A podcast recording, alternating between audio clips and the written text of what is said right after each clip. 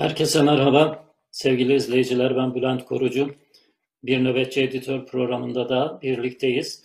Bugünün sıcak gündemini size hemen aktarmaya çalışayım. Önce AKP'de e, artık izleri iyice su yüzüne çıkmaya başlayan iç savaşı, klikler arası mücadeleyi, e, Erdoğan sonrasına hazırlık gündemini birlikte ele alacağız. E, bu arada Temel Karamollaoğlu'nu Saadet Partisi Genel Başkanı'nı köşkte ağırladı Erdoğan e, yeni bir kanepe krizi doğdu, yeni bir kanepe krizi yaşandı. Aynen e, Avrupa e, Parlamentosu eş başkanı Van der Leyen e, kadın eş başkana yaptığı gibi kanepeye oturttu. Onun üzerine biraz konuşacağız. Saadet Partisi'nden beklentileri ve Saadet Partisi ile ilişkilerini konuşacağız. AKP'nin ve Erdoğan'ın. E, onun dışında e, gıda ürünlerinde kötü haberler geliyor, kara haberler geliyor. Zaten tahmin ediliyordu ama taraflar yani hem üretici hem de ara e, ticari e, sektör diyebileceğimiz pazarlamacılar, satıcılar e, bunlardan kötü haberler geliyor. E, bunları mercek altına alacağız. E, seçim rüşvetleri hazırlanıyor. EYT'lilerden, e, emeklilikte yaşa takılanlardan asgari ücrete, oradan 3600 ek göstergeye kadar e, çok büyük paketler hazırlıyor AKP. Bu da ekonomik bunalımın e, ve gittikçe artan hayat pahalılığının, geçim sıkıntısının e, kendilerine seçim kaybettirmeye başladığını fark ettiler herhalde. Onun için bir seçim paketi hazırladılar. O seçim paketi üzerinde biraz konuşacağız. E, dördüncü gündem maddemiz e, dün yaşanan bir facia, Malatya'da yaşanan bir facia. O onunla ilgili e, ne yazık ki bizim topraklarımızda çok rastladığımız bir alışkanlık. Onu konuşacağız. Beşinci gündem maddemiz ise e, Türk basınında Ertuğrul Özkök dönemi herhalde tamamen kapandı diyebiliriz. Ertuğrul Özkök'ü Umre arkadaşı Ahmet Hakan Coşkun kapının önüne koydu. Ertuğrul Özkök 5 e, gün önce, 6 gün önce yazdığı bir yazıda bir ay izin istemişti. Sonra tekrar döneceğim, daha e, güçlü döneceğim, magazin gündemleriyle döneceğim. Kitabıma başlıyorum. Kitabıma başladıktan sonra daha moralli döneceğim demişti. Ama o izin herhalde süresiz izine uzatıldı. 35 e, yıllık hürriyet macerası Ertuğrul Özkök'ün kapandı. Ertuğrul Özkök'ü biraz konuşacağız bültenimizin sonlarına doğru. Evet sevgili izleyiciler hemen AKP'deki iç savaşa e, fokuslanalım. O iç savaşı konuşmaya başlayalım. Erdoğan'ın sağlık sorunlarının gittikçe daha belirgin hale gelmeye başlamasıyla birlikte e, saklanamaz hale gelmesiyle birlikte diyelim daha doğrusu Erdoğan sonrasına AKP içerisinde e, güçlü bir hazırlık başladı. Zaten tahkimat yapan, zaten mevzilenen, gruplaşan, klikleşen ekipler e, şimdi birbirlerini gözetmeye başladılar. Birbirlerine e, tabiri yerindeyse çaktırmadan fırsatını buldukça gol atmaya başladılar. Şimdi o e, bir tablomuz var. O tablo üzerinden AKP'deki e, ekipleri, klikleri ve o kliklerin e, artılarını, eksilerini tabii ki her ekibin kendine göre bir kısım artıları var, bir kısım eksileri var ama önemli olan e, onlar da artık e, AKP'siz Erdoğan'ı hani borsa tabiriyle satın almaya başladılar. Evet, e, ekipleri e, analiz etmeye Numan Kurtulmuş ve Has, Has Parti ile başlayalım. E, Numan Kurtulmuş, e, Saadet Partisi'nde siyaset yapan aslında e, ruhen AKP'li olduğu değerlendirilen isimlerden bir tanesiydi. AKP'ye neden gitmedi sorusu çokça sorulmuştu AKP'nin kuruluş gündem, gün, günlerinde. E, ama verilen cevap hep şuydu. E, Erdoğan'ın yerine Saadet Partisi'ni büyütecek ve Erdoğan'a rakip, rakip olacak. Erdoğan'ın yaşayacağı bir seçim yenilgisinde ya da AKP'nin yaşayacağı yıpranma süreçlerinde e, Numan Kurtulmuş ve Saadet Partisi onun yerini alacak e, gibi bir beklenti vardı. E, bu beklentiyi engelleyen iki şey oldu. Bir tanesi Saadet Partisi'nin iç dengeleri Numan Kurtulmuş'un e, partide hakim olmasına izin vermedi. Necmettin Erbakan'la doğal liderle yaşadığı büyük sıkıntıdan sonra partiden kopmak zorunda kaldı. O büyük sıkıntı ki e, partinin il teşkilatlarının düzenlediği iftar e, merasimlerinde, iftar yemeklerinde Numan Kurtulmuş'un yuhalanmasına kadar gitti iş. E, Numan Kurtulmuş da bir grup arkadaşıyla birlikte aslında Saadet Partisi'nde, Milli Görüş Hareketi'nde e, önemli ağırlığı olan isimlerle birlikte ayrılarak Has Parti'yi kurdu. Bu isimlerden bir tanesi Şeref Malkoç'tu, bir tanesi de onun damadı Abdülhamit Gül'dü. Ama e, Has Parti'nin başka bir iddiası daha vardı. Mesela e, komünist olarak tanınan, sosyalist olarak tanınan, merkez sağda bilinen birçok ismi de vitrinine taşımıştı. Merkez Karar ve Yönetim Kurulu'na taşımıştı. Bu e, Has Parti'nin, AKP'nin yerine e, gerçekten bir alternatif olabileceği düşüncesini oluşturmuştu. Ancak bir anda bambaşka bir şey oldu ve e, aynen Demokrat Parti Genel Başkanı Süleyman Soylu'nun olduğu gibi benzer günlerde, aynı günlerde e, Numan Kurtulmuş da partisini lağvetti, partisini kapattı ve AKP'ye katıldı. Erdoğan'ın kendisine taktığı rozetle birlikte. E, kulislerde konuşulan şey şuydu, Numan Kurtulmuş Erdoğan'dan sonra ki Erdoğan Cumhurbaşkanlığı hazırlığı yaptığı zaten o günlerde biliniyordu. Erdoğan'dan sonra e, AKP'nin, AK Parti'nin başına geçecek. Erdoğan kendi halefini partiye getirdi diye konuşuluyordu. E, Numan Kurtulmuş'un gelmesine insanlar neden çok şaşırdı? Çünkü AKP'ye ve Erdoğan'a en ağır eleştirileri yapan isimlerden bir tanesiydi. Harun gibi geldiler, Karun gibi yürüyorlar. Biz firavunlaşmayacağız ya da AKP 28 Şubat sürecinin bir ürünü 28 Şubat süreci olmasaydı AKP olmazdı gibi çok ağır eleştirileriyle bilinen bir isimdi. Onun için AKP'ye geçişi sürpriz oldu. AKP'ye geçişini kim sağladı? Mustafa Şentop sağladı. Şu andaki Türkiye Büyük Millet Meclisi Başkanı. Mustafa Şentop da aslında milli görüş siyasetinin akademik camiadaki isimlerinden bir tanesiydi. Biraz daha geriye gidecek olursak İskender Paşa Refah Partisi ya da İskender Paşa Milli Görüş birlikteliği sırasında İskender Paşa'nın partiye kattığı isimlerden bir tanesiydi. Ama Erbakan Hoca ile Esat Coşan'ın ayrışması sırasında parti tarafında kaldı. Erbakan'ın yanında kaldı. AKP ayrışması sırasında da yine Erbakan'ın yanında yine e, Saadet Partisi'nde kaldı. Ama Has Parti ayrışmasında arkadaşı, yakın arkadaşı Numan Kurtulmuş'la birlikte ayrılıp e, Has Parti'ye geçti.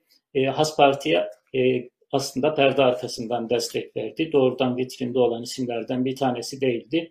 O doğrudan aslında Has Parti'ye geçecekken herkes Parti, Has Parti'ye geçmesini beklerken e, AKP'ye geçti ve AKP'de önemli koltuklar elde etmeye başladı.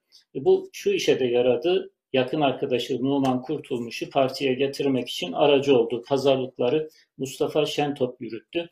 E, şu anda da e, Has Parti ekibinin ya da Numan Kurtulmuş'u genel başkan olarak görmek isteyen, genel başkan yapmak isteyen ekibin e, güçlü isimlerinden bir tanesi Mustafa Şentop. İki açıdan güçlü. Birincisi meclis başkanı çok doğal olarak. İkincisi de e, AKP'nin hukuk camiasındaki operasyonlarını yürüten, gayri resmi operasyonlarını yürüten isimlerin başında geliyor. Hatta geçtiğimiz haftalarda e, 15 Temmuz'dan sonra tutuklanan kimi yargıçlara tavassut ettiği ve onların korunmasını sağladığı, onların mesleğe iadesini sağladığı şeklinde e, haberler de vardı. E, Mustafa Şentop'la birlikte e, Has Parti ekibinin iki e, güçlü ismi daha var. Bu ekibi parti içerisinde güçlü hale getiren. E, bir tanesi Adalet Bakanı Abdülhamit Gül. Adalet Bakanı Abdülhamit Gül aslında kabinedeki en güçlü iki bakanlıktan birisinde oturuyor. Diğer bakanlıklar neredeyse zaten esamisi okunmuyor. Bir tanesi İçişleri Bakanlığı, bir tanesi Adalet Bakanlığı. Abdülhamit Gül aynı zamanda Şeref Malkoç'un e, damadı, onun kızıyla evli. E, Şeref Malkoç, e, kamu ombudsmanı, kamu e, e, ombudsmanın ombudsman baş ombudsman olarak şu anda görev yapıyor. Ondan önce Erdoğan'ın saraydaki danışmanlarından bir tanesiydi. Erdoğan'ın yakın arkadaşı e, partide önemli isimlerden bir tanesi. E, hatta Adalet Bakanı'nın e, çok büyük saldırılara muhatap olduğunu, Pelikanların saldırısına uğradığını, Berat Albayrak taraftarlarının saldırısına uğradığını, Sabah gazetesinde doğrudan hedef alındığını, Sabah gazetesinde bir kısım tırnak içerisinde söyleyeyim FETÖ operasyonlarını örtbas etmekle suçlandığını e, bu açıkça bunun söylendiği yazılar yazıldı. O da bu yazılara e, çok açık net bir biçimde cevap verdi. Parti içerisinde e, Numan Kurtulmuş'un artıları bunlar. Yani en önemli artısı tabii ki ekibi, ikinci artısı da e, çok fazla yıpranmadı. Hep perde gerisinde kalan bir isim oldu. Gölgede kalan bir isim oldu. E, tartışmalı meselelerde çok ön plana çıkmadı.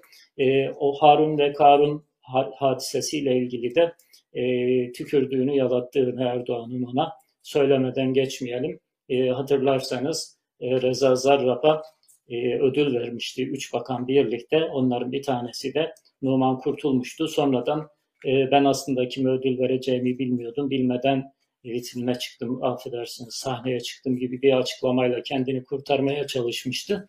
E, ama e, Karunlar kendi aralarına seni de kattılar ve bunu da fotoğraflattılar.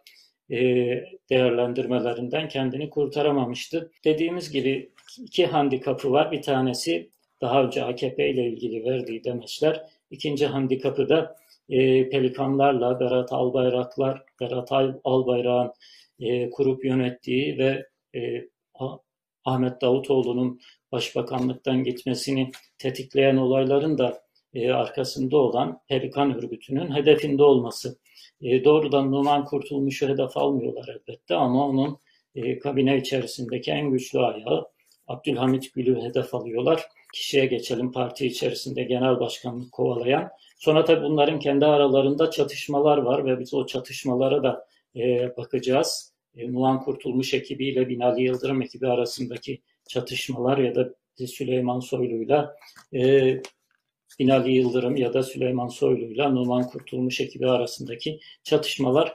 İkinci e, genel başkan adayı ve kendi bilhassa bürokrasi içerisinde ekibini kuran ve bürokrasi içerisindeki ağırlığıyla, bilhassa güvenlik bürokrasisindeki ağırlığıyla, emniyetteki ağırlığıyla e, AKP'yi ya da Erdoğansız günleri, Erdoğan'dan sonraki günleri e, domine etmeye çalışan isimlerden bir tanesi Süleyman Soylu. Süleyman Soylu'nun en büyük desteği Devlet Bahçeli'nin arkasında olması en önemli e, gücü diyebiliriz. Ve biraz önce de söylediğim gibi emniyetteki kadrolaşması, emniyetteki kadroları, Mehmet Ağar'dan devraldığı kadroları kilit noktalara getirmesi önemli e, artılarından, önemli avantajlarından bir tanesi. E, onun eksileri, onun avant, dezavantajı ise şu, e, biliyorsunuz Sedat Peker'in en sık gündeme getirdiği isimlerden bir tanesi. E, Sedat Peker onu e, çok fazlasıyla hırpaladı. Sedat Peker'in onun hakkında e, yaptığı ifşaatlar Süleyman Soylu'nun popülaritesini epeyce aşağıya indirdi. E, ama buna rağmen Süleyman Soylu e, bilhassa terörle mücadele konusunda terörle mücadeleyi kendi şahsıyla özdeşleştirerek AKP tabanındaki popülaritesini sürdürüyor. Ama e, AKP dışındaki ki seçim kazanmak için AKP dışındaki e, alanlardan da almak gerekiyor. AKP dışındaki e, kitlelere e, çok hoş görünen bir isim değil. E, bir de e, önemli handikaplarından bir tanesi Has Parti ekibiyle kavga etmesi. Bilhassa Abdülhamit Gül'le girdiği e, ikili mücadeleler, söz dalaşları e, Süleyman Soylu'yu yıpratıyor. Bu tartışmalarda Abdülhamit Gül hukuku, e, Süleyman Soylu ise hukuksuzluğu savunan bir isim olarak öne çıkıyor. Son bir hafta içerisinde bir tartışma yaşadılar. Onun videosunu e, kısaca izleyelim sonra tekrar devam edelim. Geri kaldı 15 bin bina. Geçen gün vilayetlere gidiyorum. Diyarbakır'da dahil olmak üzere. Adana'da dahil olmak üzere. İstanbul'da dahil olmak üzere. Muhtarlarımız diyor ki şurada var burada var. Efendim mahkeme kararı var yıkamıyoruz. Ya arkadaş sen gece yık mahkeme kararı bizim arkamızdan gelsin ya. Geçmişte yaşananlardan alınması gereken en önemli mesaj hukuk devleti ilkesinin demokrasimiz açısından ne kadar hayati bir öneme sahip olduğudur. Değerli arkadaşlar bizim rehberimiz hukuktur, bizim rotamız hukuktur, bizim kılavuzumuz hukuktur. Biz yapalım, hukuk arkadan gelsin değil, hukuk önden yürüsün, biz ona göre kendimizi ayarlayalım anlayışıdır hukuk devleti. Süleyman Soylu ile Abdülhamit Gül daha önce başka bir konuda daha bir ara e, karşı karşıya geldiler. E, Süleyman Soylu'nun e, vefat eden, rahmetli olan annesine hakaret eden bir kişinin e, hakaretlerinden dolayı tutuklanmasını talep etmişti ama e, Adalet Bakanı e, Abdülhamit Gül. Biz ancak kanunları uygulayabiliriz. Kanun bize neyi talimat veriyorsa, neyi emrediyorsa onu yapabiliriz.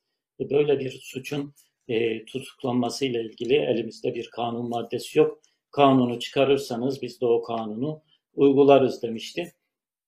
Süleyman Soylu'nun dediğim gibi e, emniyet içerisindeki kadroları, e, avantajları ama Sedat Peker e, Süleyman Soylu ile birlikte o kadrolara da büyük zararlar verdi. O kadroları da deşifre eden bir kısım açıklamalar yaptı. E, üçüncü kişi hemen herkesin aklına gelen Binali Yıldırım, Erdoğan'ın muhtemeli, İstanbul'dan itibaren, İstanbul'dan beri Erdoğan'la birlikte çalışan bir isim, e, meclis başkanlığını, başbakanlığı emanet ettiği bir isim. En son İstanbul Büyükşehir Belediye Başkanlığı'na aday gösterdi ama İstanbul Büyükşehir Belediye Başkanlığı'nı Binali Yıldırım kazanamadı. Parti içerisinde kuruluşundan itibaren e, partide yer alan neredeyse ender isimlerden bir tanesi. Çünkü diğer isimleri biraz e, özgül ağırlıkları olduğu için Erdoğan'ın koltuklarını tehdit ettiği için Erdoğan tasfiye etmişti. Bülent Arınç, Abdüllatif Şener, Abdullah Gül hatta bunlar tasfiye olan isimlerdi. E, o ilk yola çıkan ekibin içerisinde şu anda sadece e, Binali Yıldırım var. Binali Yıldırım da hiç şüphesiz e, genel başkanlık için kendisini e, hazırlayan isimlerden bir tanesi. Binali Yıldırım'ın iki handikapı var. Bir tanesi Süleyman Soylu'da olduğu gibi Sedat Peker'in onun hakkında, onun ve çocuklarının hakkında, ailesi hakkında e, söylediği şeyler, e, ifşa ettiği şeyler, bilhassa uyuşturucu kaçakçılığı, kumar vesaire, Kıbrıs'taki kirli işlere karışmak ve Kıbrıs'taki kirli işlerin bir parçası olmak gibi e, çok önemli suçlamalar var ve bu suçlamalardan e, aklanmadığı en yakın bildiğimiz e, işte e, Venezuela'ya giderken oğlum işte e, maske götürdü, e, test kiti götürdü gibi bir şey söylemişti. Absürt bir şey söylemişti ve bunun da doğru olmadığı, yalan olduğu ortaya çıktı. Oğlunu savunayım derken aslında kendisini batırdı. E, Binali Yıldırım'ın handikaplarından bir tanesi bu. İkincisi ise karizmasının sıfır olması. Erdoğanlı bir e, AK Parti'de, AKP'de e, bir muhtemet olarak, bir ikinci adam olarak, üçüncü adam olarak bulunabilir ama e, tek başına partiyi sürükleyecek, hele hele seçim kazanabilecek bir isim değil. Zaten kaybettiği birçok seçim var. İzmir Belediye Başkanlığı'nı kaybetti AKP'nin güçlü hükümetine rağmen. İstanbul Büyükşehir Belediye Başkanlığı'nı kaybetti. Gene e, Erdoğan'a ve AKP'nin güçlü desteğine rağmen. E, burada da bir çatışmadan hemen söz etmemiz gerekiyor. Binali Yıldırım'la Mustafa Şentop çatışması yaşanıyor. E, Binali Yıldırım İstanbul Büyükşehir Belediye Başkanlığı'na aday olarak giderken meclis başkanlığından istifa etti. Gecikmeli bir biçimde istifa etti. Bu tartışmaları da hatırlıyoruz. Meclis başkanlığının e, forsunu, meclis başkanlığının imkanlarını son ana kadar, son dakikaya kadar e, seçim çalışmalarında kullanmaktan çekinmemişti. Bu da siyasi bir ayıptı. Aslında kanunun da ihlaliydi ama e, ne yazık ki bunu da yaptı. E, başkanlığı kaybettikten sonra, başkanlık seçimini kaybettikten sonra meclisteki koltuğuna geri dönmek istedi. Ama Mustafa Şentop'un e, direnişiyle karşılaştı. Hatta e, Mustafa Şentop'un görev süresi bittikten sonra meclis başkanlığı için seçim gündeme geldiğinde en azından o zaman e, aday olmasın ben meclis başkanı olayım gibi bir beklentiye girdi ve bu beklentiyi de çok açık bir biçimde ishar etti, gösterdi. Ama Mustafa Şentop yine direndi ve meclis başkanlığını bırakmadı.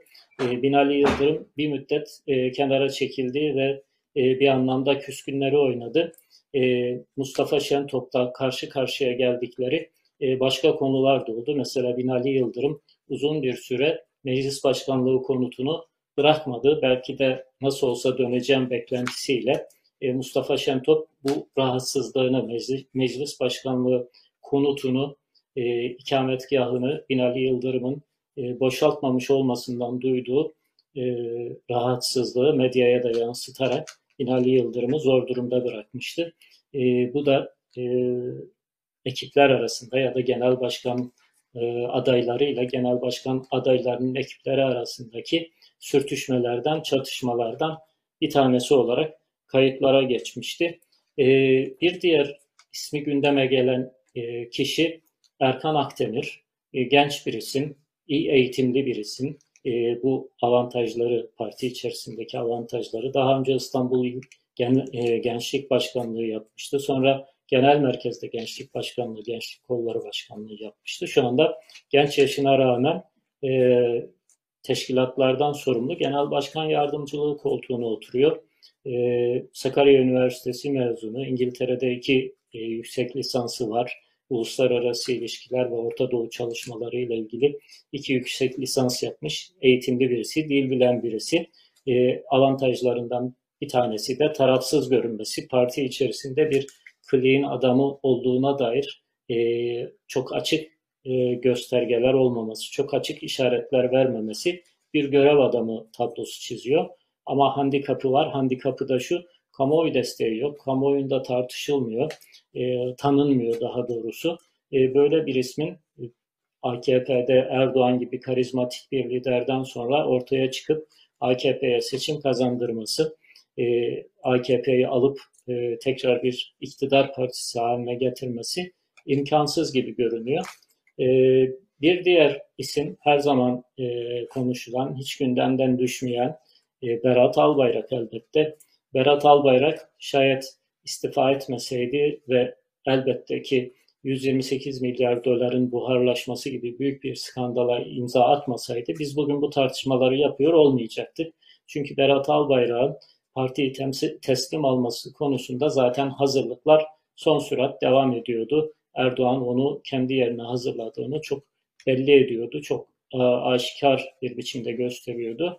Ama Berat Albayrak 128 milyar doların buharlaşması ve ekonominin de çok kötü gitmesiyle birlikte e, Erdoğan'la e, küçük sürtüşmeler yaşandı. Erdoğan'ın köşkteki, affedersiniz eskiden köşktü şimdi artık saray.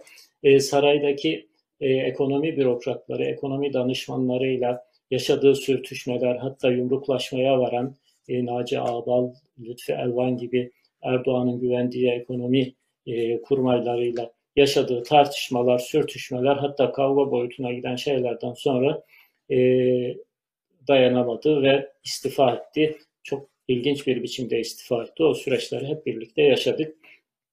Hala Berat Albayrak'ın e, adı kulislerde konuşuluyor. Çünkü iki önemli avantajı var. Bir tanesi Erdoğan'ın aslında gönlünde yatan aslan Berat Albayrak.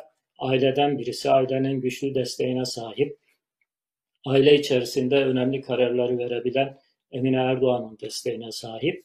E, destekleri arasında elbette Pelikan var. Pelikan'ın desteğini ya da Pelikan'ın varlığını e, pozitif ya da negatif olarak da değerlendirebiliriz. Kamuoyunda negatif bir algısı var Pelikan'ın ama e, parti içerisinde bir damarı temsil ediyor. Parti içerisinde e, bir korkuyu temsil ediyor. Kimse Pelikan'ı parti içerisinden bugüne kadar doğrudan hedef almadı. Pelikan'ın karşısına çıkmadı. Hatta başbakanlığı kaybeden Ahmet Davutoğlu bile başbakanlık elinden gittikten 4 sene sonra ancak Pelikan'la ilgili açık açık konuşmaya başladı.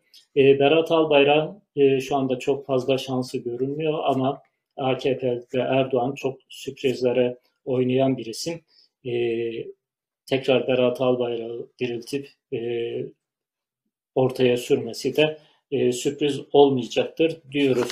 E, başka isimler var. Selçuk e, Bayraktar, e, Erdoğan'ın İHA'lardan sorumlu damadı diyebiliriz. Erdoğan'ın şu anda gözde damadı. Kamuoyundaki popülaritesi de çok fazla ama siyasi siyasi birikim yok. AKP'de bir karşılığı yok. AKP'de bir tabanı yok.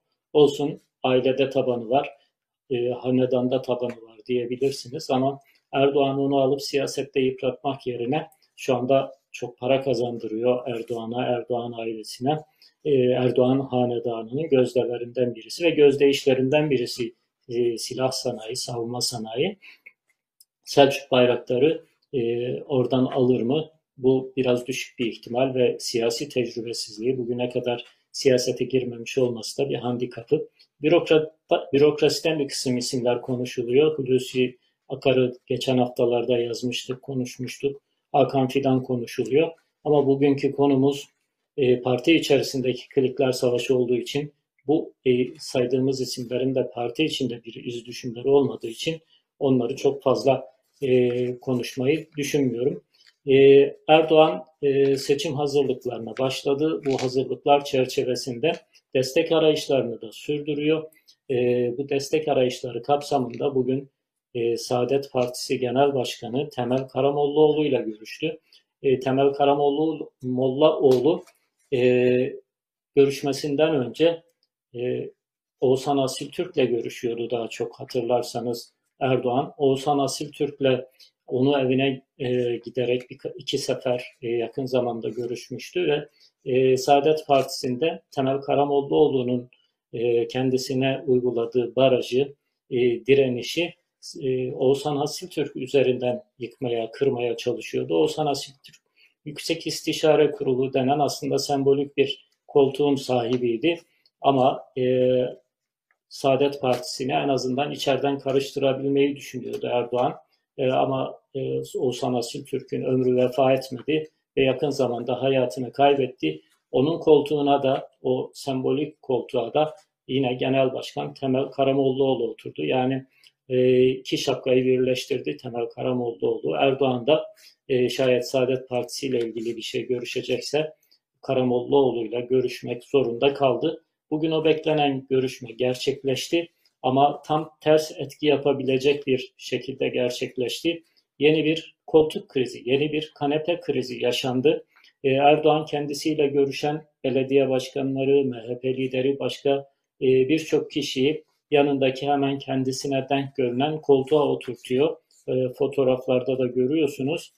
Temel Bey'i kanepeye buyur etti. Kanepeyi biz hatırlıyoruz. Nereden hatırlıyoruz? Avrupa Parlamentosu eş başkanlarından von der Leyen, kadın eş başkan Erdoğan'la görüşmesi sırasında erkek e, mevkidaşı Erdoğan'ın yanındaki koltuğa otururken e, Bayan von der Leyen e, biraz ayakta kaldı. Kendisine yer verilmesini beklen, bekledi ve e, çok e, diplomatik bir skandal, bir e, kadına yapılmayacak e, şık olmayan bir hareketle kanepeye buyur edildi ve bu e, Avrupa'da da günlerce e, kanepe krizi olarak e, konuşuldu. E, bugün benzer bir tabloya imza attı Erdoğan. Temel Karamollaoğlu'na herhalde o daha önce e, yaşadığı e, küçük gerilimlerden e, dolayı bir anlamda tahkir etti onu, bir anlamda aşağıladı ve kendisiyle denk koltuğa oturtmak yerine e, kanepeye buyur. Böyle bir e, acaba insan şunu da sormadan edemiyor. E, yoksa sırf bu e, tahkiri yapabilmek için, bu aşağılamayı yapabilmek için mi Temel Karamollaoğlu'yla konu, e, görüşmeyi kabul etti ya da onu davet etti diye düşünmeden de edemiyor insan. E, bir diğer gündem maddemize geçelim hızlıca sevgili izleyiciler. O da gıdada e, çok önemli bir e, gündem oluşuyor. Ne yazık ki kötü bir haber. Kötü haberler üst üste geliyor. E, gıdada enflasyonun zaten başını alıp gittiğine dair e, bağımsız gözlemcilerin raporları vardı. TÜİK'in enflasyonla ilgili yanıltıcı, aldatıcı açıklamalarını e, tekzip eden piyasalar var. Piyasalarda e, çalışan akademisyenler var, bağımsız gözlemciler var.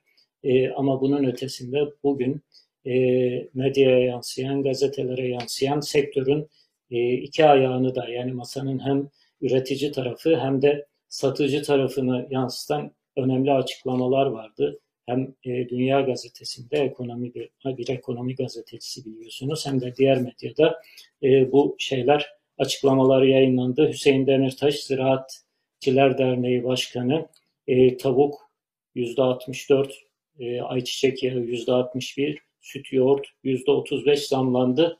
Bunlar henüz daha tam da tüketiciye yansımadı. Bunlar tüketiciye yansıdığında çok büyük bir zam dalgası gelecek diyor. E, Şemsi Kopuz var. E, bu da satıcıların e, ayağı diyebiliriz. Satıcıların kurduğu konfederasyonun başkanı. O da e, çok daha e, ciddi bir açıklama yapıyor. Diyor ki e, gıdada e, fiyat alamıyoruz. Şu anda biz eskiden aylık fiyatlar alıyorduk. E, şu anda saatlik fiyatlar ancak verebiliyor üretici, toptancı birbirine. Günlük fiyatlar bile neredeyse alamıyoruz. Saatlik fiyatlar yani bir saat sonra e, sütün fiyatı değişebilir gibi bir beklenti içerisinde insanlar. Bir saat sonra e, herhangi bir gıda maddesinin fiyatı değişebilir gibi bir endişe hakim piyasalarda. E, artık aylık fiyatlar alamıyoruz, günlük bile alamıyoruz. Saatlik fiyatlara kadar inmiş durumda. E, birkaç tane de market e, sahibiyle, market zincirleri sahibiyle görüşmüş Dünya Gazetesi. Onlar da diyorlar ki raflarımız boşalmaya başladı.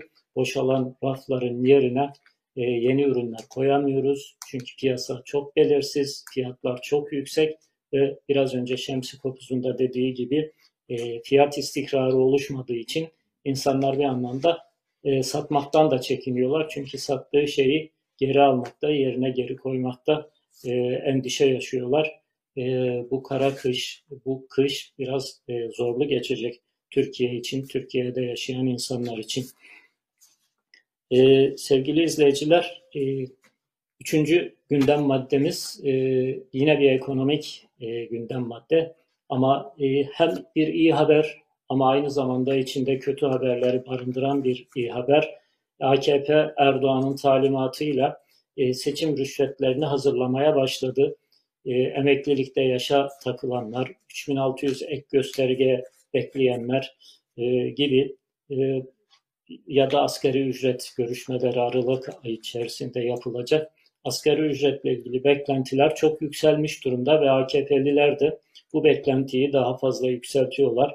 Hiç beklenmeyen, hiç umulmadık şimdiye kadar karşılanın, karşılaşılmamış bir asgari ücret miktarı çıkabilir e, konuş diye konuşuluyor. E, emeklilikte yaşa takılanların sorunları çözülecek ve bu problem ortadan kaldırı, kaldırılacak. Prim gününü doldurmuş ve primini ödemiş, primini e, tamamlamış kişilerin yaşını beklemeden e, emekli olabileceklerine dair bir paket hazırlanıyor. E, 3600 ek gösterge ile ilgili zaten e, 4-5 yıldır verilen söz var. Bu sözlerin artık somutlaşmaya başladığı ve 2022 sonuna kalmadan e, ek gösterge, 3600 ek göstergenin de meclisten geçeceği vaatleri artık AKP'liler tarafından sıkla, sıklıkla zikredilmeye başlandı. Bu olayın bir taraftan iyi haberi, e, kötü haberi de şu, sevgili izleyiciler bunları ekonominin görece daha iyi olduğu, daha güçlü olduğu dönemlerde AKP yapmadı.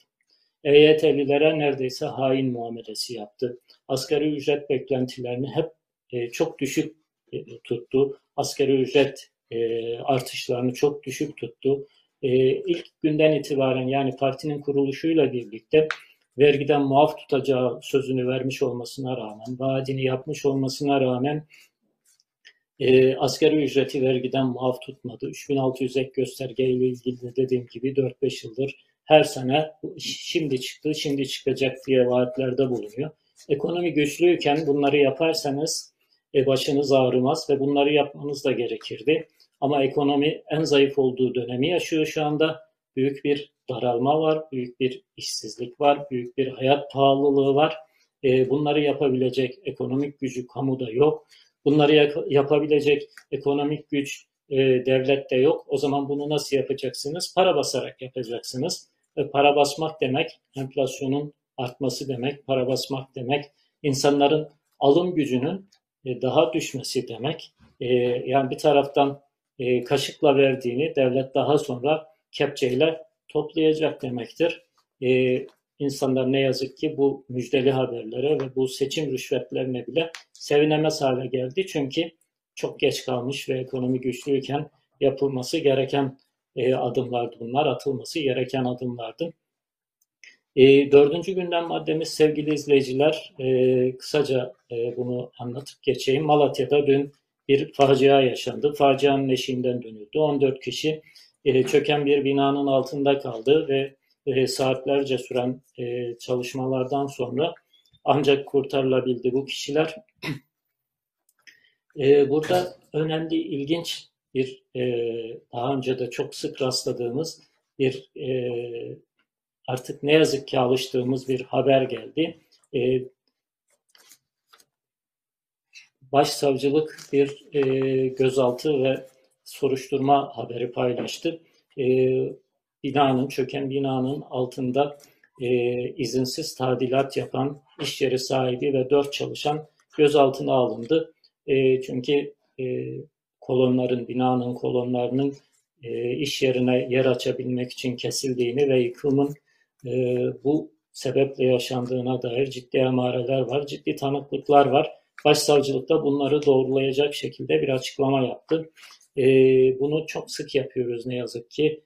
E, kolonları, binalarımızın kolonlarını e, keserek aslında hayatımızı tehdit ediyoruz. Kendimizi tehlikeye atıyoruz. Ama ben başka bir şey daha bu arada söyleyeyim. Sonra e, diğer gündem maddemize geçelim.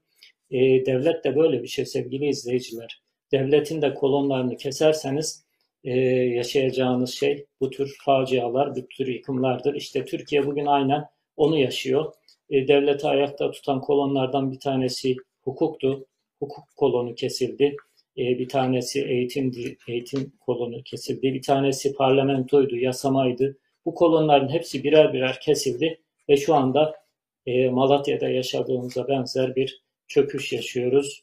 E, ve ne yazık ki bunun e, hesabını e, şu ana kadar soramadık. Bundan sonra belki bu seçimlerde ve seçimlerden sonra yeni bir Türkiye kurulabilirse, yeni bir parlamento, yeni bir anayasa kurulabilirse, tekrardan o kolonları inşa etmeyi başarabilirse Türkiye, yani hukuku, yasamayı, yargıyı, yürütmeyi yerli yerine oturtabilirse, belki o zaman e, yeni facialardan kurtulmuş oluruz. E, dördü, beşinci gündem maddemiz sevgili izleyiciler e, Ertuğrul Özkök, e, Türk medyasının en tanınmış simalarından bir tanesi. 35 yıldır Hürriyet Gazetesi'nde çalışan, 20 yıl Hürriyet Gazetesi'nin yayın yönetmenliğini yapan Ertuğrul Özkök e, Hürriyet Gazetesi'nden ayrıldı. E, aslında daha doğrusu da kovuldu. E, Ertuğrul Özkök'ün e, gidişi e, önce bir e, duyuru gibi, daha doğrusu bir haber gibi sunuldu. Sonra Ertuğrul Özkök bunu doğruladı. Normal şartlarda Ertuğrul Özkök e, 4 gün önce, 5 gün önce son yazdığı yazıda e, kısa bir izin kullanacağını, bir aylık bir izin kullanacağını ve sonra daha güçlü bir biçimde, daha moralli bir biçimde e, döneceğini söyledi. Ertuğrul Özkök'ün ipini e, aslında onun paltosundan çıkardığı isimlerden bir tanesi çekti. Ahmet Hakan Coşkun çekti. E, Ertuğrul Özkök'ü Umre'ye götüren Ertuğrul Özkök'ün Umre arkadaşı, Ertuğrul Özkök'ün e, medyaya e, kazandırdığı diyebileceğimiz e, aslında tabii ki Kanal 7'de e, ana haber spikeri olarak, ana haber sunucusu olarak Ahmet Hakan tanınmış bir e, simaydı, bir yüzdü. Ama e, Hürriyet gazetesine e, alarak Hürriyet gazetesinde daha geniş kitlelere ulaşmasını sağlayan isim Ertuğrul Özkök'tü. Ertuğrul Özkök'le ilgili benim bir yazım var. YouTube'dan bunu e, bulup dinleyebilirsiniz. Hürriyet Sirki'nin e, diye yazmıştım. E, Ertuğrul Özkök kötü bir miras bıraktı. Hani e, vefat etmedi ama sanki gazete yöneticisi olarak en azından hürriyetteki hayatı bittiği için nasıl bilirdiniz sorusunu cevaplamaya çalışalım. Ne yazık ki iyi bilmezdik. Arkasında bıraktığı bir enkaz aslında. E, 411 el kaosa kalktı manşetini hatırlıyoruz. E, mecliste 411 milletvekili anayasayı değiştirebilecek çoğunluğun çok ötesinde bir sayıyla başörtüsünü serbest bırakan bir değişiklik yaptı. Hürriyet gazetesinin o günkü manşeti buydu. Ya da e, 28 Şubat sürecindeki e, kötü rolünü hatırlıyoruz. Ertuğrul Özkök'ün e, sivil güçler, silahsız kuvvetler artık bu işi halletsin ya da gerekirse silah kullanırız e, manşetlerini hatırlıyoruz. E, bir de çok önemli bir manşeti var. Ahmet Kaya'yı e, manşetten hedef göstermişti. Ahmet Kaya biliyorsunuz artık Türkiye'de yaşayamaz hale geldi ve yurt dışında e, bir sürgündeyken hayatını kaybetti. Ona da e, gördüğünüz gibi vay şerefsiz olmadı gözüm gibi manşetlerle e, doğrudan hedef göstermişti. Sonradan bu e, Hürriyet'in manşet yaptığı haberlerin yalan olduğu, doğru olmadığı da ortaya çıktı. Ee, Ahmet Kaya gibi bir değeri bu ülkenin kaybetmesine yol açmış oldu Ertuğrul Özkök. Evet sevgili izleyiciler bir e, nöbetçi editör programının daha sonuna geldik. Lütfen kanalımıza abone olmayı unutmayın. Bildirimleri e, açmayı unutmayın. Bildirimleri açarsanız e, size çok daha hızlı ve çok daha kolay bir biçimde erişebiliriz, ulaşabiliriz. Hepinize bizi izlediğiniz için teşekkür ediyoruz. Görüşmek üzere.